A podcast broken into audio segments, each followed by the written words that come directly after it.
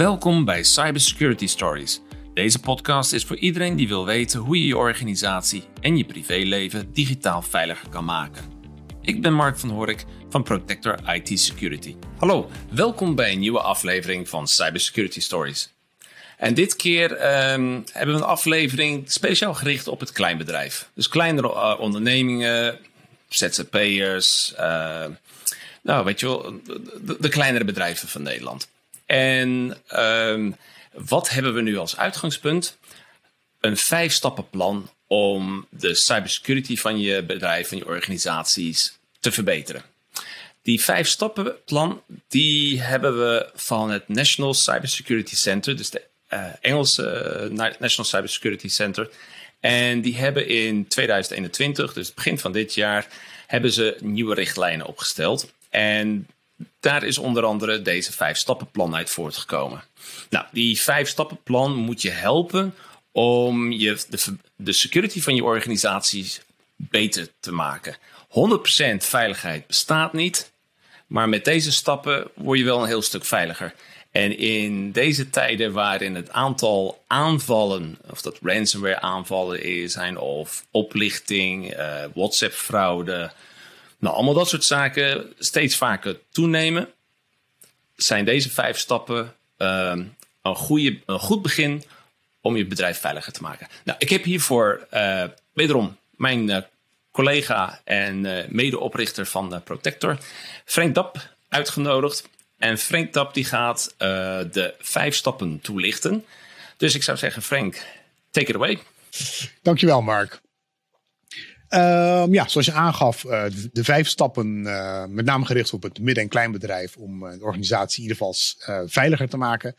En de eerste stap is, maak een backup van je belangrijke data. Stap 2 is, bescherm je organisatie tegen malware. Stap 3 is, zorg voor een goede beveiliging van je mobieltjes en tablets. De vierde stap is, zorg voor het gebruik van sterke wachtwoorden om je accounts te beschermen. En de laatste stap is, Zorg ervoor dat je geen slachtoffer wordt van phishing aanvallen. Nou, om met uh, de stap 1 te beginnen.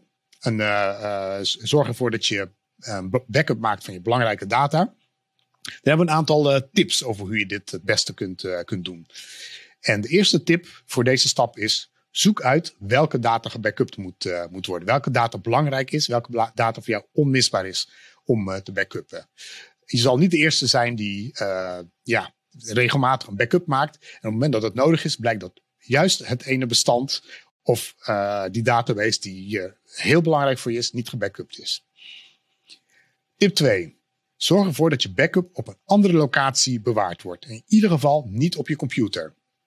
Waarom? Stel dat je je computer kwijtraakt of uh, er vindt een calamiteit plaats als brand of iets dergelijks, waardoor je computer verloren raakt. Uh, dan ben je ook je backup kwijt. En op het moment dat je dus je backup het hardst nodig hebt, um, heb je die natuurlijk niet meer. Heel vervelend. Nou, in het verlengde daarvan, tip 3.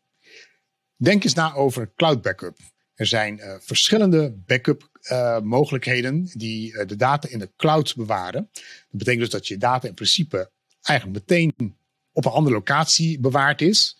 En die is ook beschikbaar vanaf andere locaties. Dus je hoeft je eigenlijk geen zorgen te maken over het uh, uh, verplaatsen van data. Uh, en of er wel of niet een backup gemaakt wordt. Cloud backup. Tip 4. Maak van het backuppen en het opbergen van, van je backup een dagelijkse taak. Eén keer per week backup of één keer per maand backuppen is bij lange na niet voldoende. Mocht er iets in de tussentijd gebeuren, dan ben je, zou je dus bijvoorbeeld je data van een, een, een week of een maand of misschien wel langer kwijt zijn. Backuppen is een dagelijkse taak.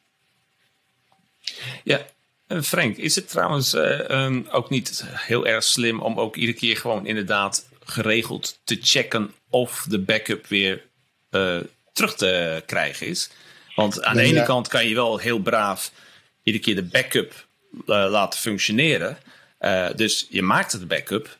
Um, maar volgens mij is, is een menigeen is ook wel eens het overkomen dat wanneer het nodig is. En dan gingen ze checken van uh, geen probleem, want wij hebben de backup. En dan gingen ze kijken en toen bleek die al, nou waar, laten we zeggen, twee maanden niet meer te werken.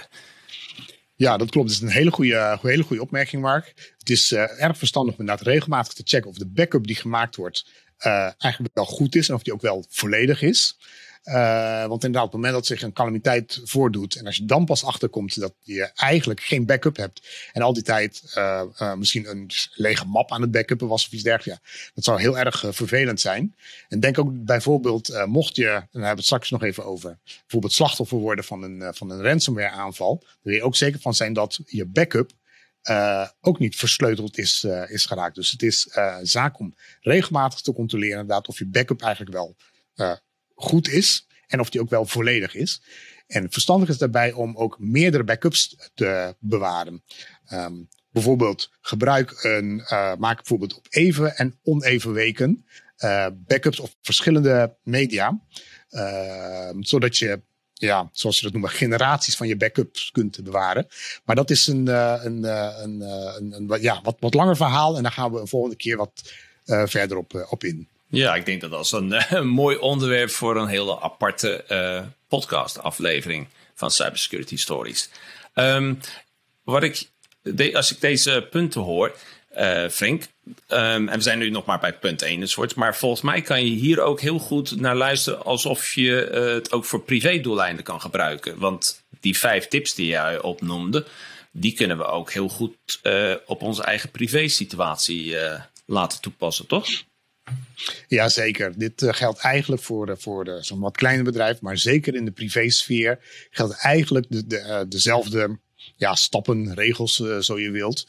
Het backuppen van, van, van je data is thuis natuurlijk ook heel erg belangrijk.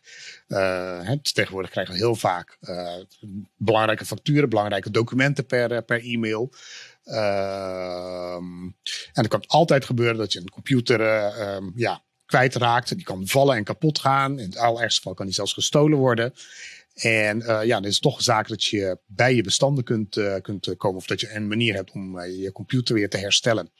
Dus backup maken is ook voor je privé situatie eigenlijk heel, heel belangrijk. En dat geldt eigenlijk voor al deze stappen die, waar we het nog over gaan hebben. Want de tweede stap die geadviseerd wordt is het beschermen van je organisatie tegen malware. Wat dus ook in de privé situatie geldt.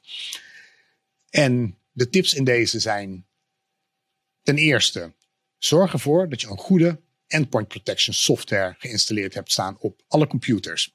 Nou, wat is endpoint protection software? Het is eigenlijk de opvolger van de traditionele ja, antivirus. Die ja, een beetje uit de jaren negentig stamt. Um, destijds was dit een, een, een, goede oplossing, maar tegenwoordig zijn uh, hackers en hacktechnieken zo geavanceerd dat uh, deze, ja, ik moet toch zeggen, achterhaalde techniek eigenlijk niet meer uh, toereikend is. En uh, ja, hier zullen we ook op een, in een andere podcast een keer wat dieper op, op ingaan. zorg in ieder geval voor, voor een goede endpoint protection. Ten tweede, zorg ervoor dat jij, je familieleden, maar ook of je medewerkers geen malafide apps kunnen downloaden en, en installeren. We weten uit, uit, uit onderzoek dat de meeste geslaagde cybersecurity of cyberaanvallen beginnen met het, uh, met het installeren van een, een, een app. Um, waardoor ja, de, de veiligheid van een, van netwerk in gevaar komt. Dus het is zaak om ervoor te zorgen dat medewerkers geen apps installeren die ze niet mogen installeren. het beste om dat te doen is ervoor te zorgen dat medewerkers niet meer rechten hebben dan ze ja, eigenlijk strikt noodzakelijk, die strikt noodzakelijk zijn voor hun om hun uh, hun functie uit te oefenen. Dus uh, geef, geef, medewerkers niet meer rechten dan ze nodig hebben uh, om hun functie uit te voeren. De derde tip in deze is: zorg ervoor dat alle ICT-systemen up-to-date zijn. Stel updates niet uit. Krijg je een pop-up van, van ja, Windows of een applicatie dat een update beschikbaar is, stel het niet uit. Updates komen, worden vaak beschikbaar gesteld door uh, uh, de ontwikkelaars van de software, omdat er bijvoorbeeld een lek is ontdekt. Ze lichten het lek. Op het moment dat je de update niet installeert, ben je kwetsbaar voor een lek of een, een, een bug die niet alleen bij de ontwikkelaar bekend is, maar ook bij hackers. Dus het zal een kwestie van tijd zijn voordat je dan slachtoffer wordt van een hackpoging in ieder geval. Er zal natuurlijk een moment komen dat er geen updates meer beschikbaar zijn voor jouw app of jouw programma of jouw computer. En dan is het echt tijd om ja, een nieuwer alternatief, een nieuwer systeem te, te overwegen. Tip 4. Voorkom het gebruik van ja, USB-sticks, USB-drives ook wel, wel genoemd, en, en memory cards. Waarom? USB-sticks, USB-drives zijn natuurlijk ontzettend handig om bestanden uit te wisselen. Zeker als je grote bestanden moet, uh, moet uitwisselen. Maar het is dus net zo makkelijk om een USB-drive te gebruiken die geïnfecteerde bestanden bevat. En uh, door het gebruik van USB-drives worden bijvoorbeeld bepaalde uh, beveiligingen in het netwerk omzeild. Um, en tevens is het mogelijk door het gebruik van USB-drives om ja, voor een persoon om ongemerkt gevoelige informatie uit het bedrijf mee te nemen. Want ze kunnen gewoon een kopie maken van um, bijvoorbeeld jouw klantenbestand. En die uh, meenemen zonder dat dat ergens uh, ja, opvalt. En er is nog één gevaar. Een USB-stick kun je makkelijk verliezen. Het is klein.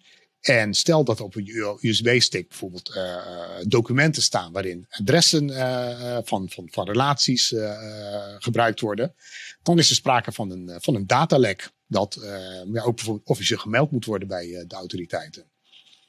Nou, het gebruik van een goede endpoint protection bijvoorbeeld kan, kan het gebruik van USB-sticks, USB-drives blokkeren.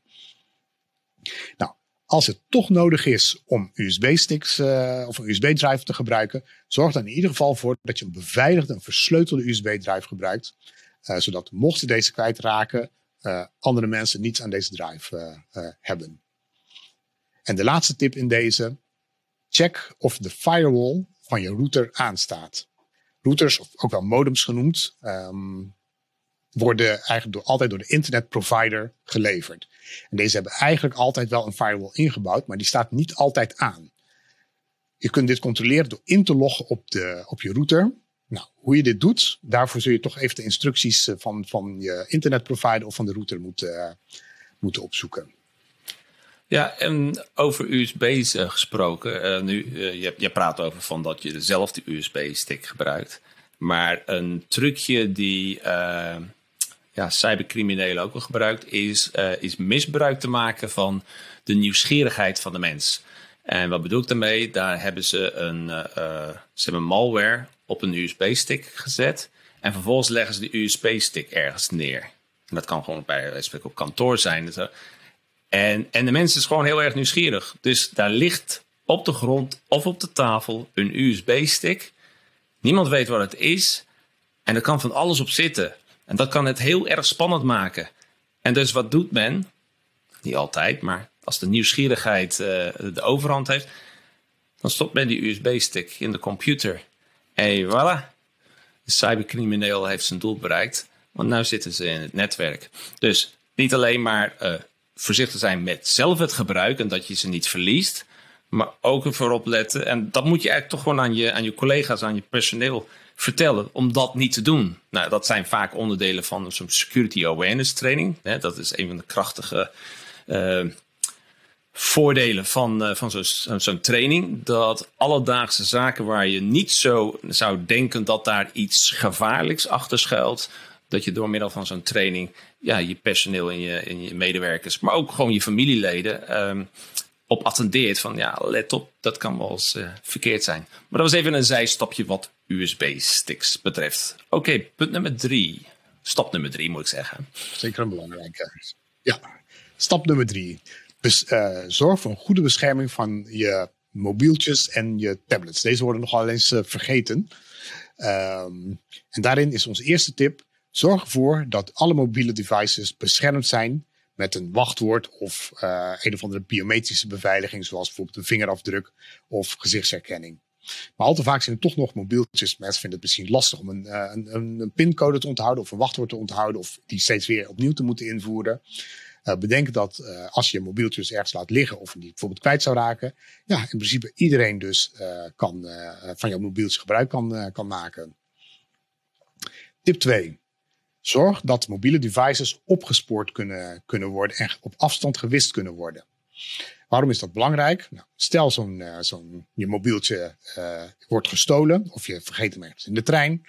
Um, dan is het ja, eigenlijk van groot belang dat je op afstand ten eerste hem of terug kunt vinden. En als je er niet meer bij kunt komen, ervoor kunt zorgen dat alle data die erop staat uh, gewist wordt, zodat daar geen, geen misbruik van gemaakt kan, kan worden. Zowel Apple als Android bieden overigens standaard mogelijkheden voor. Het enige wat je eigenlijk hoeft te doen is deze optie aan te zetten. De derde tip: zorg dat de software op je, op je mobieltjes up-to-date zijn. Zowel applicaties als het, ja, het moeilijk woord, het operating system zelf, dus iOS of Android. wederom, Updates worden vaak uitgebracht op het moment dat er bijvoorbeeld een bug of een ernstige bug of een lek ontdekt wordt in een, in applicatie. Uh, dus op het moment dat er updates verschijnen, is er dus een bekende lek. En uh, die is dus niet alleen bekend bij ontwikkelaar, maar ook bij hackers. En hackers kunnen daar dus uh, misbruik van, van maken. Tip 4. Maak geen verbinding met onbekende wifi-hotspots.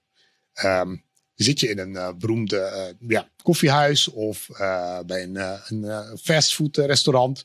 Die bieden allemaal gratis wifi aan.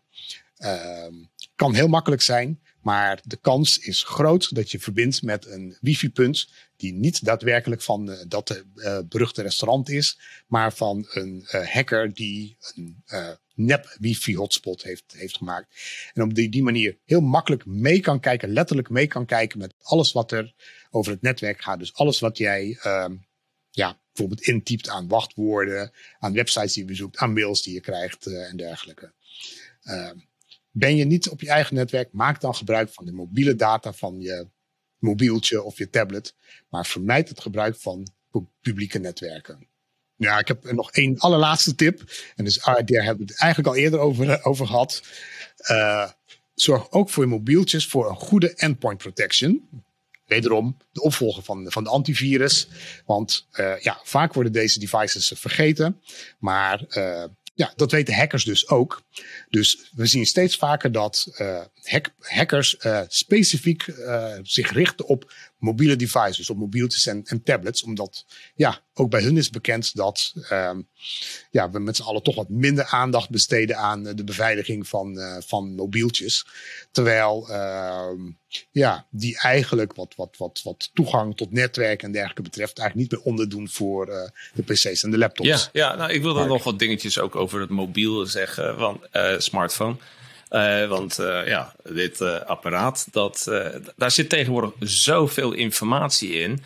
En heel vaak krijg ik de indruk dat alle nadruk op beveiligen van, van de hardware, dat dat richting de laptop en, en, en de desktop gaat en zo. Maar op een of andere manier denkt men van ja, ik heb toch een iPhone of uh, wat dan ook. dat is toch een heel veilig apparaat. Nou, die vraag had ik overigens ook uh, gesteld aan uh, Marius Rohart van, van Lookout. daar hebben we ook nog een keer een, een podcast mee gehouden. Ik zal het in, hierboven ergens zo'n annotation zetten waarbij je de link hebt naar, naar die videopodcast. Um, de, de hardware is goed. Hoewel tegenwoordig ook, uh, um, uh, ook de iOS goed is, maar tegenwoordig zijn er steeds vaker patches. het idee dat alles wat van iOS is, nou, dat, dat is helemaal goed.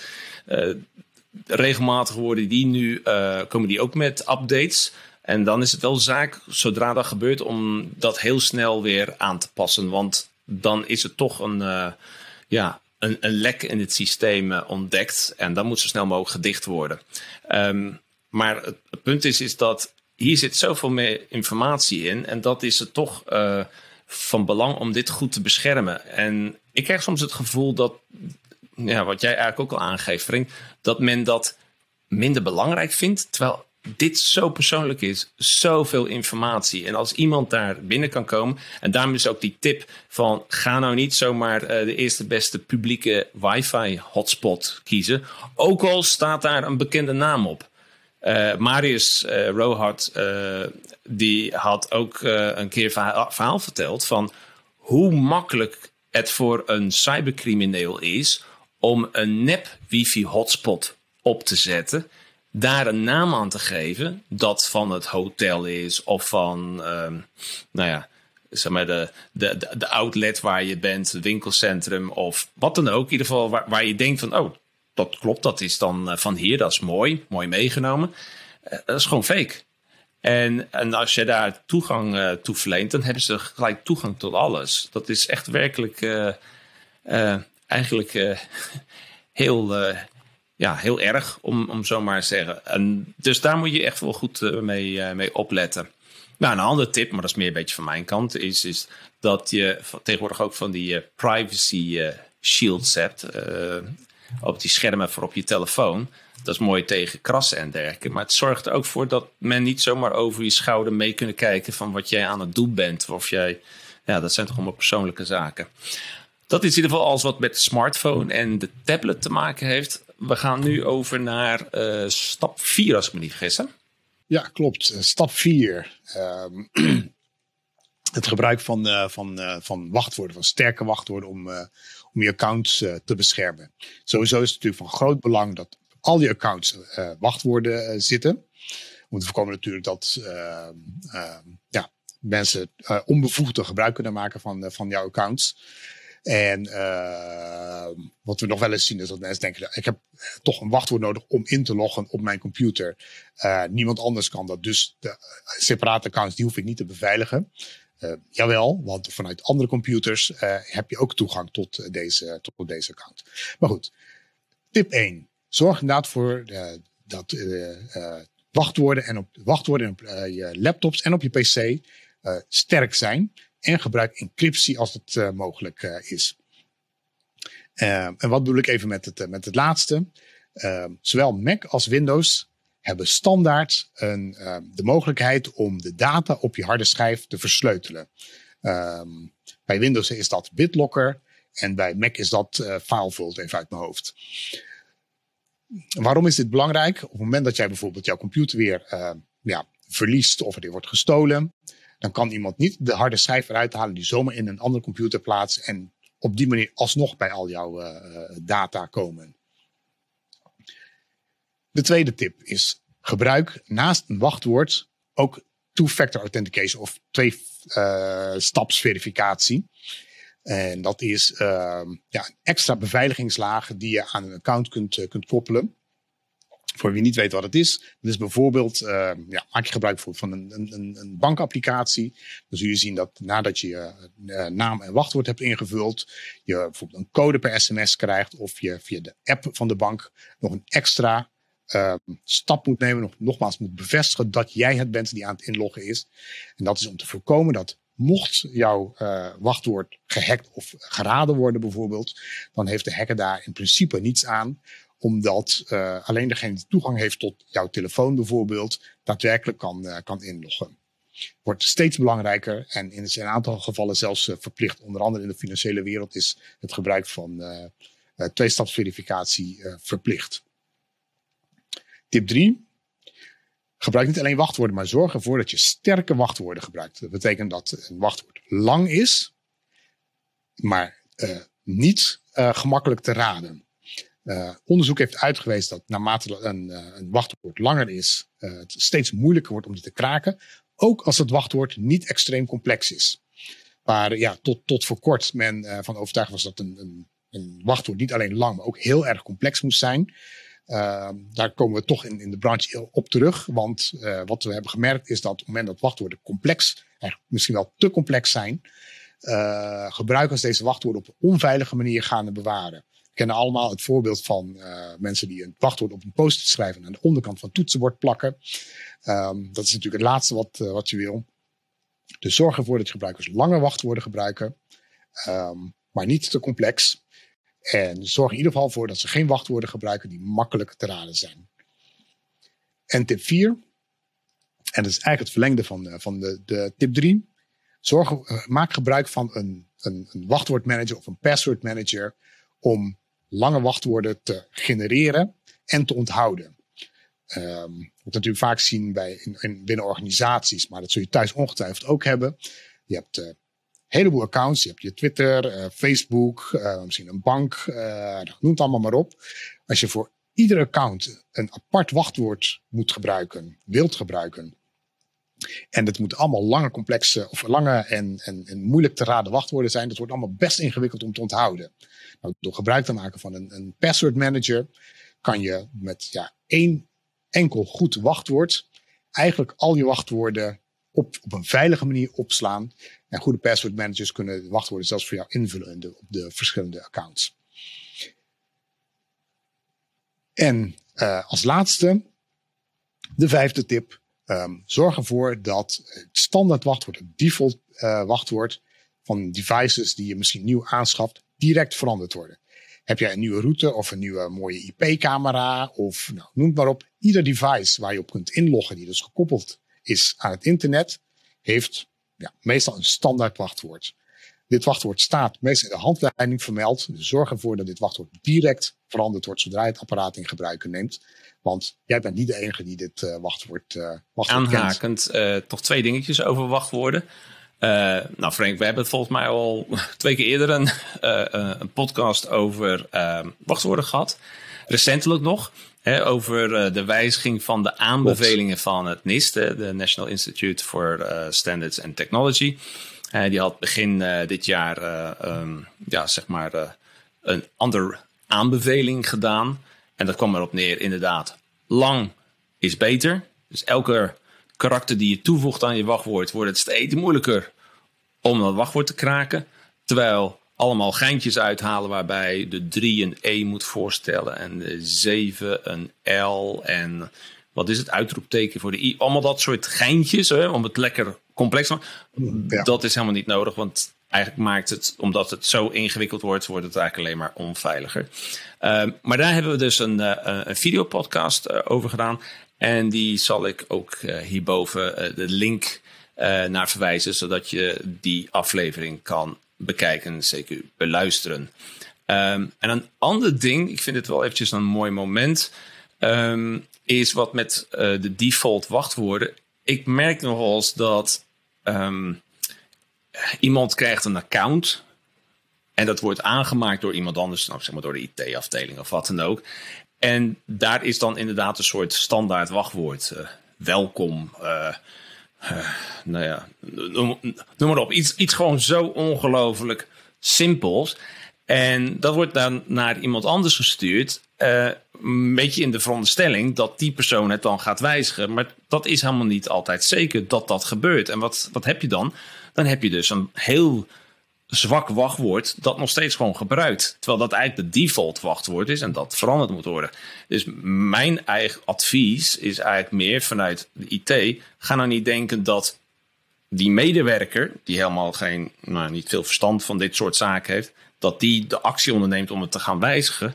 Zorg al dat die default al, dus het wachtwoord dat je het stuurt naar die medewerker, dat die eigenlijk al gewoon al lang en sterk is zodat als ze dat eigenlijk nog niet wijzigen, ze moeten het wel wijzigen, maar als ze het vergeten om het te doen, dat het, de organisatie niet door dat stuk uh, gevaar loopt. Want er zijn te veel uh, situaties uh, onlangs geweest in Nederland en in Amerika, zoals de Colonial Pipeline, waarbij een zwak wachtwoord criminelen toegang gaf tot het netwerk. En nou, de resultaten hebben we in de media kunnen, kunnen zien en lezen. Oké, Frank. De laatste stap, hè? Als me niet vergis. Tot slot, stap 5, de laatste stap. Wees alert op phishing. Dit is echt een toenemend probleem. Nou, wat kun je doen om te voorkomen dat je slachtoffer wordt van phishing? Tip 1. Zorg dat gebruikers, of eigenlijk gebruikersaccounts, niet meer rechten hebben dan strikt noodzakelijk. Als dan een account of een gebruikersnaam met wachtwoord via phishing bij criminelen belandt, blijft de schade beperkt. En beter nog, gebruik tweestapsverificatie als dat kan.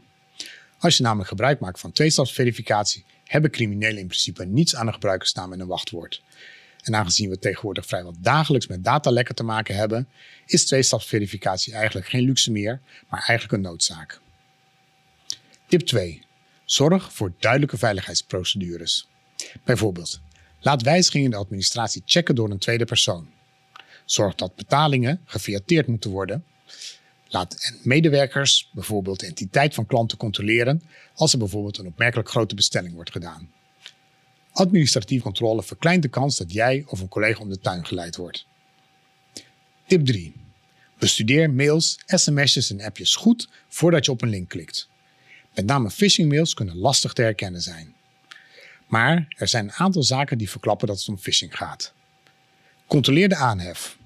Als je wordt aangesproken met zoiets als beste klant of geachte relatie, dan zou het wel eens om spam of phishing kunnen gaan. Ook als er druk uitgeoefend wordt om vooral snel te handelen, zou het wel om een phishing mail kunnen gaan. Maar de twee belangrijkste zaken om op te letten zijn de volgende. Ten eerste, het e-mailadres van de afzender.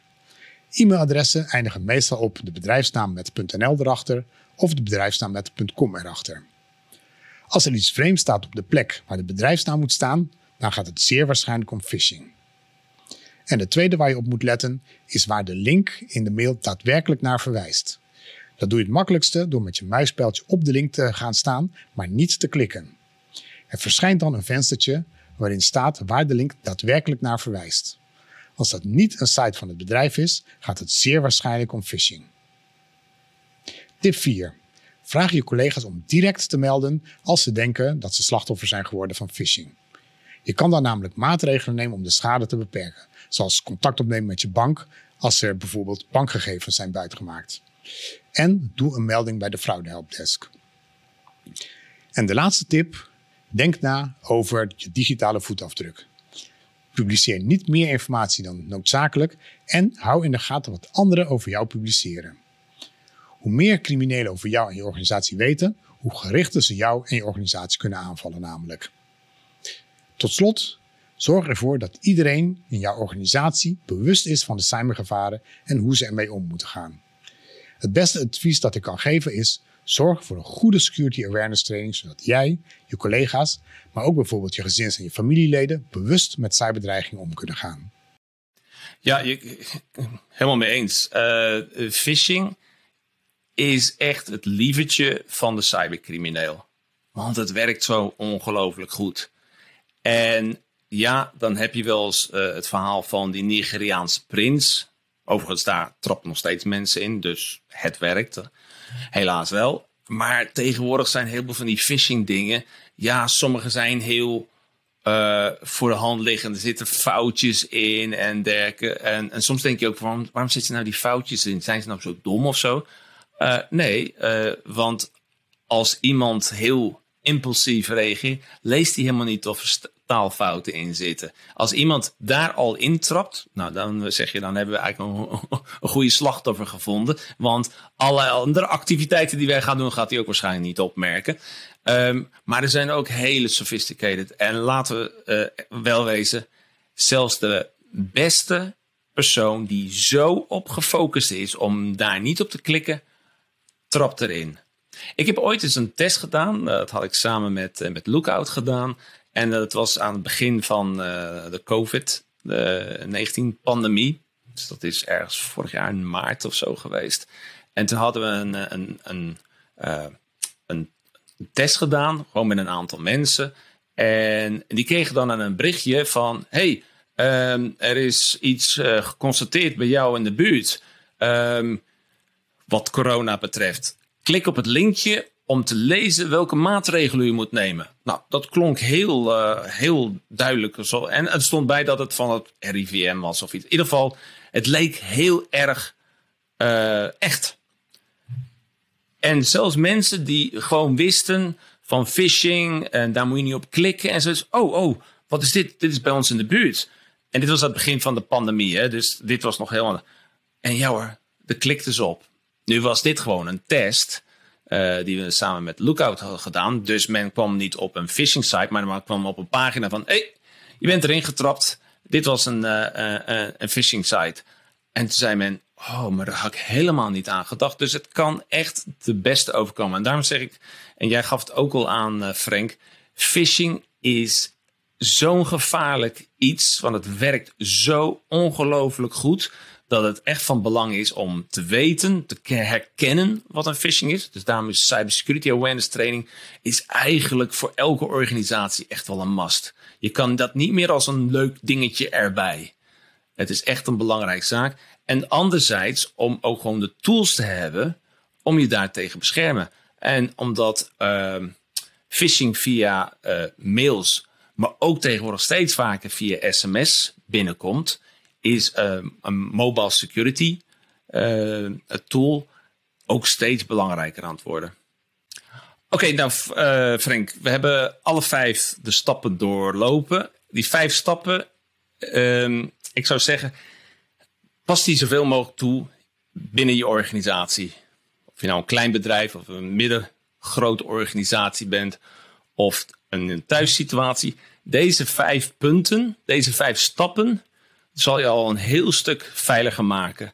Uh, en zoals gezegd, 100% veiligheid bestaat niet, maar een heel stuk veiliger zijn zal in ieder geval de kans dat er iets met je organisatie overkomt uh, een stuk geringer maken. Nou, dit was in ieder geval voor, uh, voor deze aflevering. Als je dit soort informatie interessant vindt, als je het interessante aflevering vond, als je op de hoogte wil gehouden worden Wanneer wij met die phishing aflevering komen of al die andere zaken dat we over hebben gesproken, abonneer je dan op ons YouTube kanaal. Uh, ja, dan, ga naar uh, het abonneren stuk. Er zit ook dat belletje. Als je dat aanklikt, krijg je ook de notificaties wanneer er weer een nieuwe aflevering komt. we zitten ook voor de audioversie op ehm, Spotify, Apple Podcast, Google Podcast en Stitcher. Daar kan je ook op abonneren. Um, wil je wat dieper gaan in de materie? Als je zegt van ja, die vijf stappenplannen, ik wil daar gewoon wat meer over. Kan ik dat even met jullie gaan praten? Kunnen we daar even over sparren? Dat kan. Uh, wij bieden de mogelijkheid om een vrijblijvend adviesgesprek aan te gaan. Dan kan je gewoon in 30 minuten, dan tasten we gewoon even af en kunnen we wat tips en adviezen geven. En op die manier. En um, ja, dan rest mij eigenlijk voor nu, Frank, om te zeggen tot een volgende keer.